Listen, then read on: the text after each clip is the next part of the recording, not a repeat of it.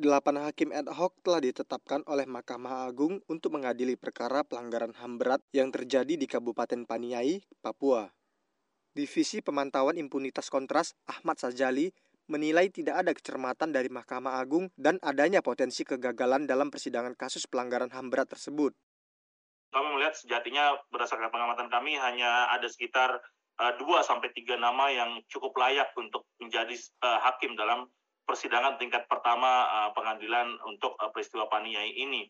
Tapi yang dipilih oleh uh, Mahkamah Agung berjumlah delapan sehingga kami merasa ada ketidakcermatan dan potensi adanya kegagalan dalam proses persidangan nanti karena kualitas dan kualifikasi dari para calon hakim yang begitu mengecewakan.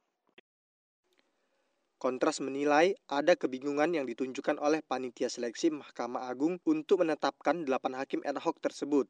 Bukan hanya itu, Kontras juga melihat ada unsur tergesa-gesa dari panitia seleksi Mahkamah Agung dalam penetapan hakim ad hoc pengadilan HAM. Proses yang tergesa-gesa itu pun dinilai telah menimbulkan ketidakoptimalan yang terjadi dalam proses seleksi hakim ad hoc tersebut.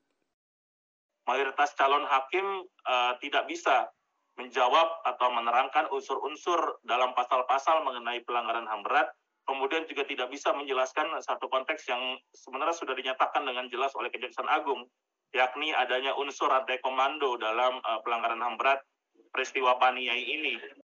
Ahmad pun meminta kasus pelanggaran HAM berat Paniai harus diselesaikan secara tuntas. Menurutnya, aparat penegak hukum harus mengungkap pelaku lain yang terlibat dalam peristiwa Paniai berdarah tersebut.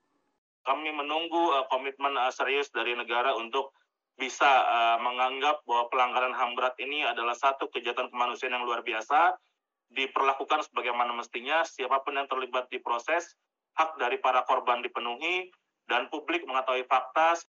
Deputi Direktur Amnesty Internasional Indonesia, Wirya Adiwena, mengatakan berbagai macam kejanggalan, ketidaksiapan, dan ketergesa-gesaan terkait penetapan hakim ad hoc menunjukkan sinyal ketidakseriusan pemerintah dalam upaya penanganan kasus pelanggaran HAM berat yang terjadi di Paniai. Membawa keadilan di Papua tak bisa dilakukan setengah hati.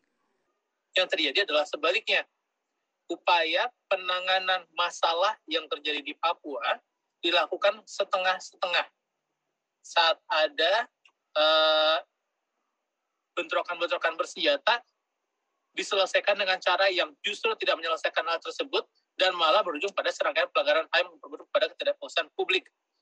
Anugerah Andriansyah melaporkan untuk VOA Washington.